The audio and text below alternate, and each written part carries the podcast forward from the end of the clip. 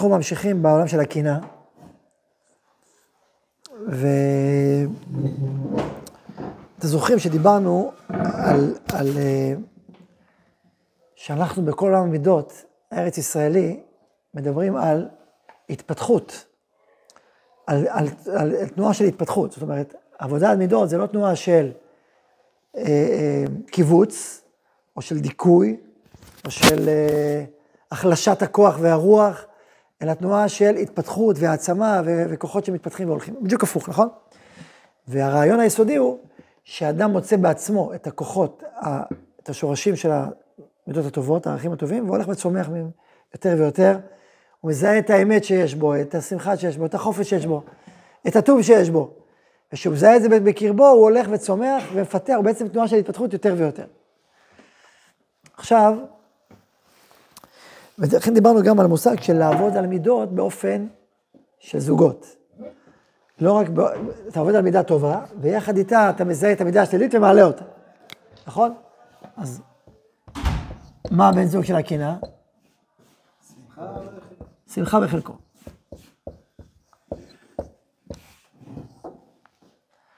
ואנחנו נתבונן רגע בעולם הזה של השמח בחלקו, ואחר כך במעלה איך כבר, כמו שאמרנו כבר על הקינה כבר כמה שיעורים, אתם תראו איך, איך הצד המזוקק של הקנאה, הצד הנעלה שבקנאה, משלים את החיסרון של השמחה בחלקו. כי אם תלך עם הפשט של השמחה בחלקו. לא עם הפשט, נדבר אפילו בעומק, בעומק של השמחה בחלקו. אז אנחנו נתחיל עכשיו בעצם להסביר את השמחה בחלקו ונעמיק בזה. ואחר כך נפגש שוב את הבן זוג, בסדר? שמחה בחלקו. איזו עשיר? השמח בחלקו. זה אדם שיודע שמה שיש לו זה טוב, והוא יודע שהוא לא נמצא בעולם הזה של הפקר, העולם הזה הוא לא הפקר. יש בעל הבית, והוא נותן לכל אדם את שלו ותפקידיו וכישרונותיו, ולכן נותן לו את שלו. ויש משפט יסודי מאוד מאוד חשוב, מאוד אמיתי, מאוד עמוק, שנמצא במסכת יומא, בדף ל"ח, עמוד ב', נכתוב אותו עכשיו, ותחרטו אותו על לוח לבכם. אומרת הגמרא ביומה.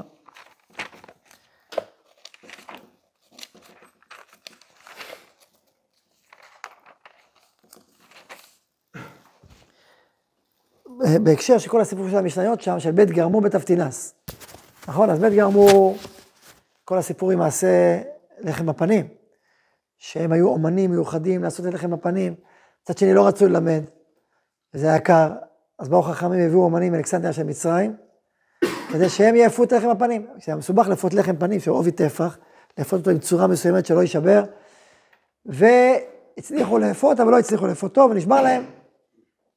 היו חייבים להחזיר את בית גרמו. בית אבטינס, ידעו את כל מעשי הקטורת, בצורה מאוד מדויקת, מעלה עשן, ניסו להביא אומנים ולא הצליחו.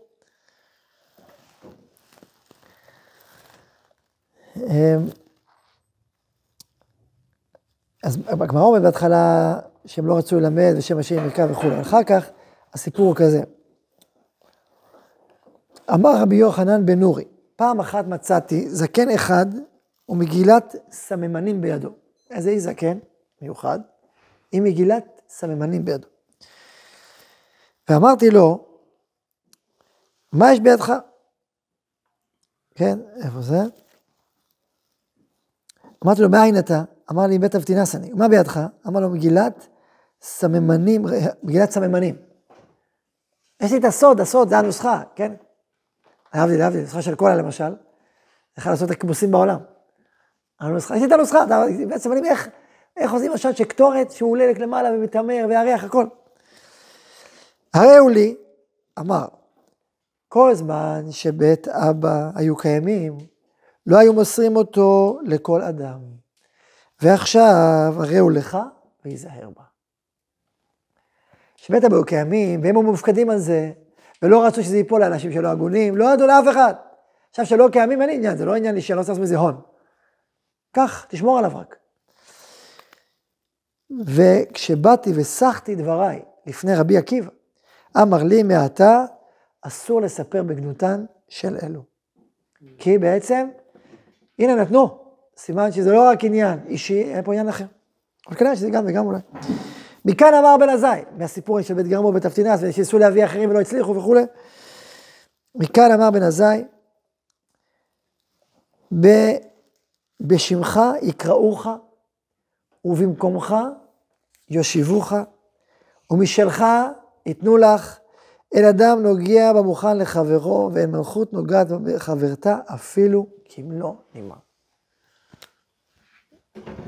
כאן אמר בן עזאי, בשמך יקראוך, איפה ה... זה עובד הרבה. או. בשמך יקראוך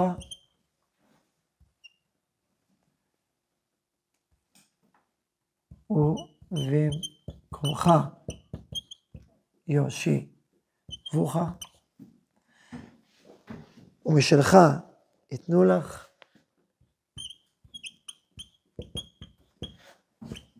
ייתנו לך.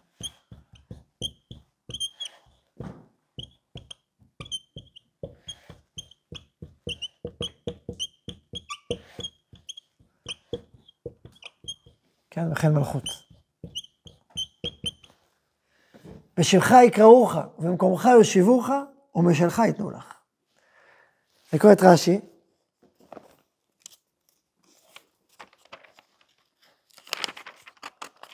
בשמך יקראוך, לא ידאג אדם לומר, פלוני יקפח פרנסתי. כי על כוחך בשם יקראוך לבוא ולשוב במקומך. ושלך ייתנו לך, כלומר לא משלם ומתנה להם מזונות קצובים לך מן השמיים. זאת אומרת, קוראים לאדם בשמו, קוראים לו בשמו. אומרים לו, כשמגיע הזמן, קוראים לו זה שלך. ומישהו אחר קראו למשהו אחר, כי זה שלו, זה שלך וזה שלו. זה מעשה שלו, זה מעשה שלך. לכל אדם יש כישרונות וייחוד שאין למישהו אחר, וגם משרה ותפקיד שאין למישהו אחר. ולכן בשבילך יקראו לך, אפילו יקראו לך לבוא. ובמקומך יושיבוך. יש לך מקום, יש מקום, זה המקום שלך. ומשלך ייתנו לך, זה, זה לא מישהו ייתן לך משלו, זה משלך, זה מה שמגיע לך משמיים, משלך ייתנו לך. אין אדם מגיע בגלל אפילו כמעט נימה. תראו, במציאות הרבה פעמים זה קורה. אתה רואה, פתאום אתה מגיע לאיזשהו תפקיד, הוא לא יודע מה, הוא לא חשב על זה, לא, פתאום דוחפים אותו, פתאום דוחף אותו, תלך לשם. למשל, כל הנושא של החמד בכלל לא חשבתי, פשוט דחף, תחפור. זאת אומרת, פתאום, מה, צריך בוא, צריך אותך בוא, אתה מתאים לזה, בוא תבוא לפה. תהיה פה, תהיה זה. מה, לא חשבתי על זה, בוא תתק. זאת אומרת, בשמך יקראוך, קוראים לך בשמך. כאילו מישהו בא ואומר, בוא לפה. הרב חיים, זאת שלי תמיד אומר, זאת אומרת שאדם לא צריך לדחוף את עצמו לשום משרה, יקראו לו. ככה הוא מה? אוקיי. אז בשמך יקראוך, במקומך יושיבוך, יש לך את המקום שלך. אל תדאג, יש את המקום שלך, שם לך מקום אחר, הכל בסדר, זה שלך. כשאדם שחי ככה, באופן הזה, ומבין, הוא שמח בחלקו, כלומר, שמח בחלק שלו, מתוך אמונה, מתוך הבנה, שיש לו את התפקיד המיוחד שלו וזהו, הוא לא מקנא, נכון? עכשיו השאלה היא, מה, מה אורב לזה? זאת אומרת, הקנאה זה דבר מאוד קשה להתמודד, אז מה הפתרון? הפתרון הוא שתגיד, אני מאמין שזה מה שמגיע לי, זה מה ששלי. נכון? ולכן, זהו, אני נשאר פה. עכשיו, אם אדם ילך עם זה עד הסוף עם הרעיון הזה, מה יקרה לו? אם אדם ילך עד הסוף עם הרעיון הזה, מה יקרה לו? הוא לא יתקדם, הוא לא יתפתח. הוא יגיד, אוקיי, ישב בקצה של השולחן, מאז ועד עולם. הוא עכשיו אה, בדרגה מסוימת, נגיד ב... אני אספר של רבי נחמן שהוא עושה, למה דרגה מסוימת? נגיד שהוא, כל מה שהוא עושה, הוא בחקלאות בדרגה מסוימת, נשאר שם עד עולם, הוא עכשיו יש לו חלקה של עשר מטר, זהו, עשרה דונם, יש לו רבע דונם נגמר. זהו, כל החיים. והוא טוב לו, זה הכי טוב כל החיים. כן, אבל אם אתה אדם שמסוגל ליותר, לעשות יותר ולפעול יותר, זה טוב שתשאר ככה, אתה יכול לתקן עולם יותר. אתה יכול לחרוש שתי שדות, לא שדה אחד. יש לך כוחות, כישרונות, יכולות, מוטיבציה, לחרוש שתי שדות. אתה אומר, לא, אני שמח בחלקי, הוא בא לאשתו, בוא נקנה עוד שדה, מה פתאום, זה בחלקי, יש לך את הספר שלך, תשב בטוב, תעבור הביתה, תהיה מבסוט, מה אתה עכשיו אה, הולך לזה, זה, זה סתם. אז מה יקרה? הרבה אנשים יהיו בינוניים, יהיו רדודים, וגם לא תמיד יהיו במקומם עד הסוף. כי, כי לפעמים אדם הוא פוחד באופן חיצוני, לפעמים אדם הוא סתם אין לו אומץ. אין לו אומץ, הוא כל דבר הוא לא עושה, הוא נמנע, הוא פוחד. פעם פעמים הוא עשה, חטף, מאז הוא כוח הגולחייה. קורה או לא קורה? לפעמים אדם נמצא בדיוק האח השני, לא האח הראשון. הבכור תמיד פורץ בטבעו. השני, פחות. למה? כשבוא תצא מדי אחיו, בלי לרצות, דבר. אתה לא מבין מה אתה אומר? אח ראשון, אח שני. הרבה פעמים, זה לא תמיד, לא תמיד, אבל הרבה פעמים. הרבה פעמים, האח הבכור, הוא לוקח אחריות יתר, ומתקדם יתר, והולך יתר. הוא בחיים שלו צריך ללמוד לתת מקום לאחרים. אחת העבודות שלו לתת מקום, אתה לא לבד, פה יש אנשים. אתה אחי לבד, לא, לא, יש עוד אנשים, קחו אחריות, יהיה בסדר. יש אנשים חוץ ממך. התפקיד שלו זה לזוז קצת, לתת מקום לאחרים. לשתף פעולה. זה אחד התיקונים של האח הבכור. האח השני, או השלישי, הרבה פעמים, אם האח הבכור דומיננטי, הוא כל הזמן נמנע, כי כל פעם שהוא בא לעשות משהו וזה, האח שלו אומר לו, לא, זוז, אני ראשון. הוא יותר גדול, יותר חזק, יותר מכיר, יותר מבין. הוא המתווך שלו לחיים, נכון? אז הוא הראשון. אז תמיד הוא כזה שני, כינור שני, נכון? התפקיד שלו בכם יהיה הפוך. לפרוץ, ללכת קדימה, להגיד אני יכול, אני אעשה, אני אעז. זה תפקיד אחר. עכשיו, לכל אדם יש, אפילו המיקום, כורכב ושיבוך, זה גם סוג של כורכב ושיבוך. אפילו המיקום המשפחתי שלו, הוא, הוא לא סתם, יש לו מיקום. גם המיקום שלך, יש לו עניין. הוא בין הזקונים, הוא בין הזה, הוא בין זה, יש לו שתי אחיות מפה ומפה, פה לא. בין אחד עם חמישה אחיות, זה לא אותו דבר, נכון? כל דבר כזה זה אירוע אחר. נכון, כמה הוא עושה, מה הוא פועל, רגשית, נפשית, מעשית, הוא גדל באופן אחר. והתיקונים שלו, הדברים שצריך לעשות עם אחרים. במקום לך שיבוך, תשמע, יש לך את המסלול שלך. תבין אותו ותכיר אותו. עכשיו, עכשיו אני כל זה מזכיר, אני נניח עכשיו שהוא בן שני והוא נמנע בטבעו. טבעו החיצוני, הראשוני, המשפחתי. ואז יש לו באמת אבל רצונות עמוקים הרבה יותר וכוחות הרבה יותר, והוא לא כל החיים נמנע, פוחד. תראו לו, זה בסדר, תגדל, תעלה, תתקדם, נכון? יש לך הרבה תפקידים לעשות בעולם הזה. לא בשביל החיצוניות, בשביל באמת יש לך תפקידים. אז מי יבוא לעזרתו? שאותו שמח בחלקו. מי יושיע אותו? מי ייתן לו את ה... מי יעורר אותו לצמוח? מי?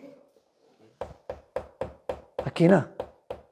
הקינה, שאם היא לא מתוקנת ומזוכחת היא שלילית, אבל אם אנחנו מזכחים אותה ומעלים אותה, כמו שדיברנו עד עכשיו, הקנאה הזאת, שפתאום כואב לו מאוד, הוא רואה מישהו כמוהו שעשה פי שלוש וזה כואב לו, אבל למה כואב לך? תשמח בחלקך, בשבילך ושיבוך.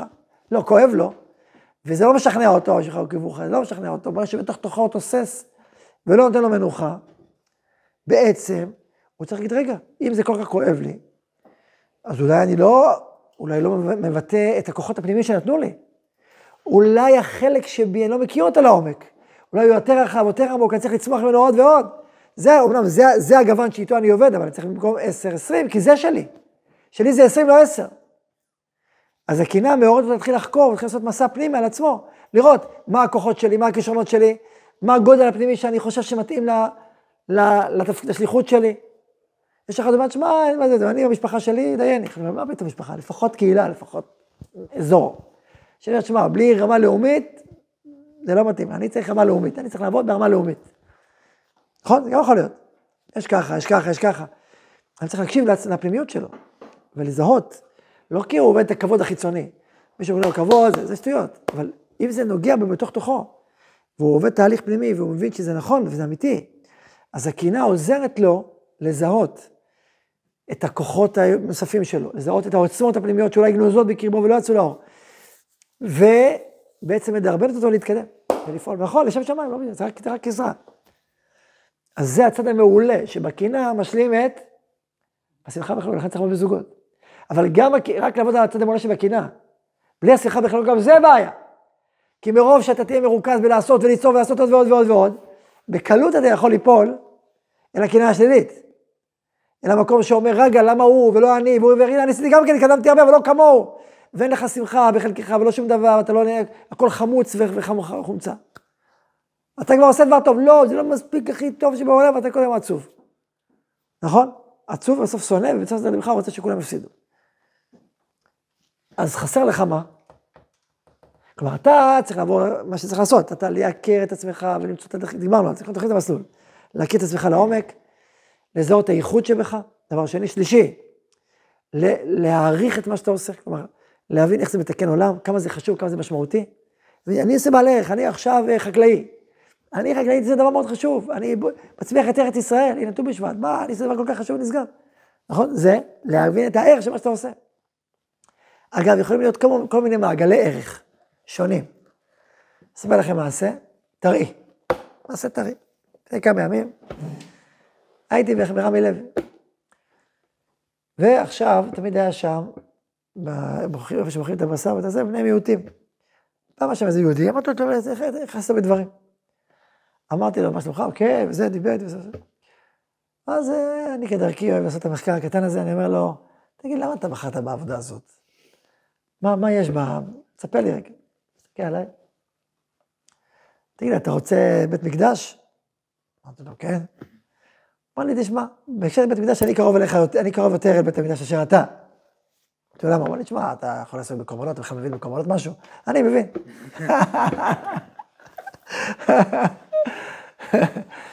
אמרתי לו, יפה, יפה, אבל תן לי, תן לי טעם את הפשט. אתה הלכת לי גבוה, תן לי משהו פשוט. אז הוא אמר לי, תשמע, אתה יודע שגם אדם מאוד הרבה כסף, מה קורה שלא יצא לתור? שהכל מציף אותו בבית ואין מים וכל זה. מה הוא עושה? קונה אינסטלטור. בסדר, נניח שאין לו יש לו כסף, זה עוזר לו? נניח שהוא פרופסור, זה עוזר לו? אמרתי לו, לא. אמר לי, דחפת אינסטלטור, נכון? לא יעזור כלום. עכשיו אתה תלוי בו, אין מה לעשות, נכון? לא, אותו דבר, יש ענפים, ענפים שלא יש שם יהודים אף פעם. וחשוב לעם ישראל שיהיו שם יהודים, גם יהודים. אז שזה אני פה. חידוש, לא חשבתי על החידוש הזה. עדיין זה לא הדבר, אני אחכה בדיוק, בסדר, יש דרגות. אולי עוד פעם. אז לא, אני רוצה לי משהו יותר, משהו שהוא קשור ל... אבל בסדר, זה גם אגב, זה גם אגב. אדם קם בבוקר עם ההבנה שהוא מבין שיש משימה לאומית לעם ישראל. אה, להיות פחות תלוי.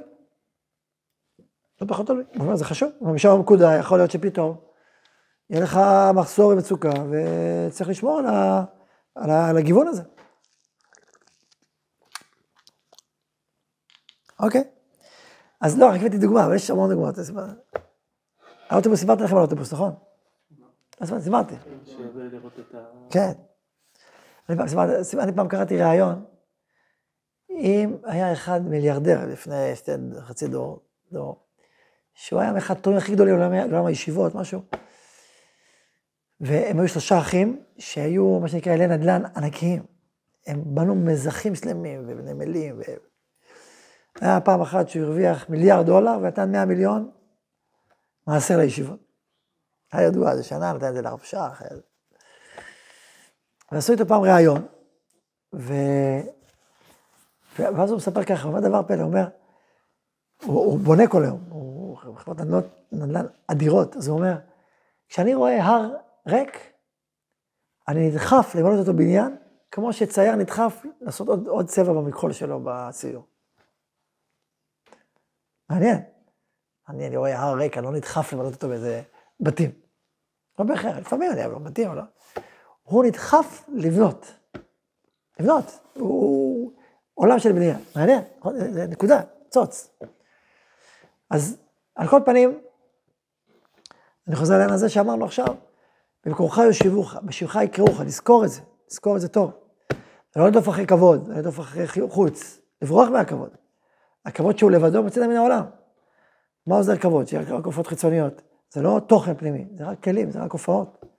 בסוף מה, ש... מה שמחיה את האדם זה התוכן הפנימי של החיים שלו, לא מה יגידו עליו זה והוא והוא והוא. אדם שחי חיי מלאכה רק בשביל הכבוד, הוא מסכן ואומלל. אבן דרצה. תחשבו לעצמכם, אדם עובד בהייטק אה, עשר שעות ביום, והוא לא אוהב הייטק, אבל הוא אוהב הייטק, יש בזה כבוד או כסף. או אדם נהיה דוקטור, לא משנה מה אדם עושה. רב, גם אדם נהיה רב. בגלל שיש הרבה כבוד, אין כל כך הרבה כבוד, אבל נניח שיש הרבה כבוד, וזה הוא נהיה רב, והוא לא אוהב להיות רב. הוא לא אוהב לענות לשאלות, אוהב ללמוד, או סוגיות, הוא לא אוהב את הדברים האלה. אבל מה לעשות? הוא אדם מסכן. הוא פשוט משועבד. משועבד, עבד נרצע, לכבוד ולעולם החיצוני. יוצא אותו מן העולם של עצמו, לא מחובר לעצמו. לא, זה עבד מסכנות. אהוב את המלאכה, עושה את הרבנות. אהוב את המלאכה, עושה את הרבנות. של רב חיים וולוז'ין, אהוב את המלאכה, עושה את הרבנות, אז מי יהיה רב? אם כולם יקיימו את המשנה הזאת, ויקיימו אותה, מי יהיה רב? דווקא אלה ששונאים את הרבנות. והוא שונא אותו, אז למה שיש שם? מה? מי ששונא את המלאכה. מי ששונא את המלאכה ואוהב את הרבנות. הוא יהיה צריך להיות רב. אוי ואבוי לרב כזה שאוהב את הרבנות. אתה רוצה להיות שזה הרב שלך, אוהב את הרבנות? שם כולל למה? לשררה. אז קודם כל הפשט הוא באמת שרבנות זה שם כולל לשררה. כמו יוסף הצדיק, למה מת קודם לאחריו? כי שימש עצמו ברבנות. רבנות זה שררה. אבל אוקיי, עזוב את המלאכה, אז הוא אומר ככה. אהוב את המלאכה שברבנות, אהוב את המלאכה שברבנות או שנא את הרבנות שברבנות? זה מה עמוק.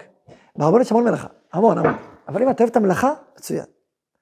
את הרבנות זה מה שצריך בשביל, בשביל להביא את המסרים, תעביר. זה כלי, זה בשביל תוכן. אז את הכלי הזה תעזוב, אבל את המלאכה תשנא. גם כל השררה, כל הרבנות אגב, זה נכון בכל הרבנות. כל השררה שהיא, אם אתה אוהב רק את השררה שבה, ולא אוהב את המלאכה שבה, ואתה פה בשביל השררה, אתה עבד נרצה. אבל אם אתה אוהב את המלאכה, את היום-יום, את המהות של הסיפור הזה, אז אתה, זה נפלא. אז הכבוד הוא, אל תקרא לחפש אותו, זה הכלי. אבל אם אתה אדם שרק אוהב כבוד ורותב כבוד, ולא מעניין אותך מי אתה ומה אתה, ומה אתה רוצה ומה אתה צריך, אז זה באמת נפילה עצומה, וזו עבדות ענקית. שעבוד. אז כאילו שמחה בחלקו זה מגיע על ידי אמונה? זה מגיע על ידי אמונה, אחד, וקודם כל על ידי הכרת האישיות שלך. להבין מה החלק שלך. עכשיו, החלק, זה לא אומר שזה שיר הזה קטן, חלקי וקטן, אלא זה החלק שלך, שאותו תצמח, אותו תגדיל עוד ועוד. אז זה שמחה בחלקו, וזה בא בדי, בשתי צורות. הבסיס זה בא דרך אמונה, שאנחנו לא חיים פה לבד בעולם הזה, ולכל אחד יש כישרונות ותפקיד שיש, נתנו לו. והצד השני של המטבע זה לראות את הכישרונות והתפקידים שלו. אפשר לבוא מלמטה או מלמעלה. אפשר לבוא מלמעלה, זה איך. אפשר לבוא מלמטה, לקבל את עצמך. ולהעריך את עצמך, ולשמח בעצמך. כמו פסיכולוגי. טיפול פסיכולוגי, הייתי בא, מי אתה, מה אתה, תראה כמה זה יפה, תראה כמה זה מועיל, כמה זה משמעותי, כמה זה מועיל לעולם, כמה זה מועיל לך, כמה אתה בעצם אוהב את זה. אם אתה לא, אם אתה לא מסונבר מדברים חיצוניים, תשמח בחלקה, תשמח בך, תשמח במי שאתה ומה שאתה. זה ברמה, ברמת הפשט, ברמת, ברמת האמונה שבתוך האדם. יש רמת האמונה העליונה, שאתה אומר, ככה יש בעל הבית. אז יש בעל הבית, זה אמירה אחת, באמירת עומק, זה מה שאמרתי עכשיו. מי אתה, מה אתה, איך הנשמה שלך בא לידי ביטוי, איפה אתה שמח, איפה אתה מתרומם, איפה אתה חי בצורה הכי גבוהה שיש. איפה אתה חי בהתרגשות, בשמחה, בגודל רוח, באושר פנימי, זה, זה מלמטה. אבל זה אותו עניין. כי למה, זה, כמה, למה אתה בנוי ככה? כי מישהו בנה אותך באופן הזה. כי, כי הנשמה שלך מהירה באופן הזה. כי באופן הזה אתה, אתה חי בשמחה, בשמחה פנימית. אבל צריך לנטרל את החלקים השליליים שבקנאה הלא נכונים, המסנוורים, הלוקחים החוצה, שלא קשורים אליך, או כבוד החיצוני, או תאווה החיצונית. בסדר? לכן יש פה זוג. עכשיו נעבור, מה השעה? עכשיו נעשה עוד פעימה, נלמד עוד פעימה, עוד, עוד עניין בכל ההקשרים האלה. אחד האתגרים, גם כשאדם כבר, נניח שאדם כבר מכיר את התכונות שלו, ואדם אפילו מעריך את עצמו ואת התכונות שלו, ואת ה... מבין כמה זה חשוב, כמה זה מתקן את המציאות, לא רק זה כי זה הוא, ומפתח את זה ומתקדם, ואז אם אין לה יש פחות קנאה, זה עובדה, זה עובד. זה עובד. תבדקו ותראו, מישהו ניסה לעשות את זה? תבדקו ותראו, זה עובד. אולי אף אחד לא מרגיש קנאה פה אף פעם. אז אם מישהו מרגיש קנאה, שינסה את התהליך הזה שאמרנו עכשיו, זה למעשה, זה לא תיאוריה. זה לזהות את התפקיד שלך ואת השליחות שלך, את האיכות שלך, לראות כמה זה מתקן את המציאות, להכיר בזה ולהתעמק בזה ולפעול שם ולהתקדם מזה. תנסו ותראו. עכשיו, אה, אחד האתגרים לאדם שהוא כבר שם, מתקדם, מתקדם בעבודה, והוא כבר מזהה יחסית את המקום שלו ואת התפקיד שלו, נגיד, לפעמים יש לנו הפתעות, כן? אבל לפעמים צריך גם הרבה התנסות. אני מנסה בכל מיני דברים בשביל להכיר את עצמו, בסדר? אני עכשיו כבר התקדם. ופתאום הוא רואה דבר שהוא מאוד מאוד חשוב לו, מאוד נכון, מאוד אמיתי לו. אלא מה? אלא מה? אני קורא לזה ניסיון, ניסיון הכלה פגע. אומרת הגמרא, על דוד המלך. ראויה הייתה בת שבע, בת אליעם, לדוד המלך מששת ימי בראשית. אלא שאכלה פגה. מכירים את הגמרא הזאת? מה זה לאכול? מי שאוכל תאנה מוקדם, בוסר. אכל בוסר. כן, ט"ו בשבט, פירות. אכלה פגה. זאת אומרת, יש תפקיד, או שליחות, או אישה, בהקשר הזה פה זה האישה, אבל זה יכול להיות גם אומנות, כי גם אומנות ואישה נמשלו, את זה, הם, הם, זה משל, נכון? עברתי את זה, עברתי את זה פעם. כתוב שלא ירד, כתוב על הפסוקים, על מי שלא ירד, שלא טימש את רעהו. אז אמרת הגמרא מסבירה, זה הכוונה היא שלא ירד לאומנות חברו. זה מערכת יחסים, אדם, אדם, האמנות מוצאת חן בעיניו, הוא מתחבר אליה. החיבור הזה מביא פירות לעולם, אז לכן זה דומה לאישה. אבל לכל אדם אמנות אחרת, אמנות זאת, אמנות זאת, אמנות זאת. אז למה צריכים ממנה יותר, ממנה פחות? אז בהקשר הזה, החלב, כל משרה, כל תפקיד, לפעמים יש תפקיד שמתאים לך. הוא מתאים לכוחות האישיות שלך, אלא מה? זה לא הזמן. זה לא הזמן. אה, זה קשה. שמשהו לא קשור אליך, לאישיות שלך, למהות שלך, אתה אומר, לא להסתמך, לא, תעזוב את זה, בסדר, לא קשור אליי. אבל כשזה שקשור אליך, אתה צודק בזיהוי שלך, רק לא עכשיו. הופה, זה ניסיון גדול. זה נקרא ניסיון, נקרא לזה אחרי הפגה, כלומר, לפני הזמן. לפני הזמן. וזה ניסיון. הגמרא אומרת על קורח, מה שמביא זה, קורח שפיקח היה. מה רע לשטות זו? איך יכול להיות שקורח מתווכח עם משה רבנו? אדון הנביאים, מוריד תורה משמיים, מה, מה אתה... אתה, אתה, אתה בטוח אתה הולך להפסיד, מה, מה רע לשטות זו? אומרת הגמרא, ראה שלשלת גדולה יוצאת ממנו. ראה כ"ד משמרות של, בני לוויה ששרים בבית המקדש, ואמר, כל זה יוצא ממני ואני אדום, נכון? ככה רש"י אומר. מה הוא אומר? יוצא ממני, מה קשור אליך? לא, אז מה יוצא לך? אנחנו הסברנו ככה, שהרוח הקודש הוא ראה, זה שהוא ראה, הוא ראה את זה והרגיש את הכוחות האלה בתוכו. הוא הרגיש את העוצמות. משה ואהרון בכהונה ושמואל בקורא שמו, הוא הרגיש את העוצמות האלה של כמו הכהנים והלוויים, הכל, כל, היה בתוך תוכו. ואז הוא אמר, רגע, אם העוצמות האלה בתוך תוכי, בואו נממש אותן. נהיה, נהיה כמו משה ואהרון, כן? ו- ואיפה אתה? שזה לא, הכוחות האלה היו גנוזות בתוכו ויצאו לאור רק בעתיד. לא בדור שלו בכלל, בדורות אחרים. בדורות אחרים. אז מה התפקיד שלו? להיות בדור הזה ולהכין את הקרקע לדורות הבאים. לבנות עולם הבא, לבנות עולם אחר. אז זה מתאים לו, אבל מתאים לו בעתיד. אפילו לא בעתיד של עכשיו, בעתיד הרחוק. עכשיו תשמע, אנחנו בדרך כלל את הניסיון הזה, כי אנחנו לא רואים ברוח הקודש. כן, עד הדרגה הזאת, נכון? אבל מי שכבר רואה ברוח הקודש, זה כבר יכולות יותר רחוק. אז היסוד הזה, שדבר שהוא שייך, שייך אליך, זה נכון לך, אבל אתה מקדים את זמנך. שים לב, שים לב. אז אפילו אדם אומרים את המשרה, בוא, יותר גדול, בוא יותר גדול. רגע, רגע. זה מתאים לי, אבל לא עכשיו. ואז אם זה לא עכשיו, זה, זה, זה בוסר. זה לא בשל, ואז זה לא עובד. לא כי זה לא מתאים, כי זה לא, שלך, כי זה לא, כי לא הזמן. יש רבי נחמן יפה מאוד, שאומר שאסור לאכול פרי בוסר. שמעת רבי נחמן הזה? תורה כזאת, לא אוכלים פרי בוסר. דבר תמור, נכון? דיברנו את זה פעם? אז אני אזכיר את זה. לא אוכלים פרי בוסר. למה לא אוכלים פרי בוסר? הוא אומר, אם תאכל פרי בוסר, הפרי ייקח לך את החיות. ככה הוא אומר. אז אסור לאכול פרי בוסר. לא, זה לא הלכה, כמובן, אבל אולי זה, אם זה לא טעים, אתה לא יכול לברך על זה. וככה אומר רבי נחמן, דבר פלא, נכון? הסברנו את זה באופן הבא. שאדם, במשל הטבעי שלנו פה בישיבה, אדם שיוצא מישיבה לעשייה, ל... אז מתי הוא צריך לצאת? כשהוא בשל. כשהוא למד מספיק, ושנה מספיק, והרגיש בכוחות הנפש והנשמה שלו מתאימים כבר ליציאה, אז, אז הוא צריך ללכת למרחב אחר ושם לפעול, נכון? עכשיו לפעמים, איך אתה מדע זה? אז השאלה אם זה בקלות, אם יוצא בקלות, הוא מיצה, אז זה זמן לצאת, אם הוא לא מיצה, הוא רוצה הרבה לנהוג, הוא צריך לנהוג, אז חכה, תמתין. בדרך כלל זה כמה שנים, אדם יש לו נשמה. תלוי גם בעוצמת התפקיד שלו, אדם שצריך הרבה, יש לו כלים מאוד מאוד עמוקים, כי יש לו תפקידים יותר גדולים, בדרך כלל זה עובד ככה, אדם מסוג. יש מעטים, זה לא ככה, אבל לרוב זה ככה. מי שצריך הרבה זמן, כי יש לו תפקיד גדול, אז הוא צריך עוד הרבה. אבל עכשיו, מה קורה אם אתה לוקח מישהו למרחב אחר לפני הזמן, שהוא בוסר?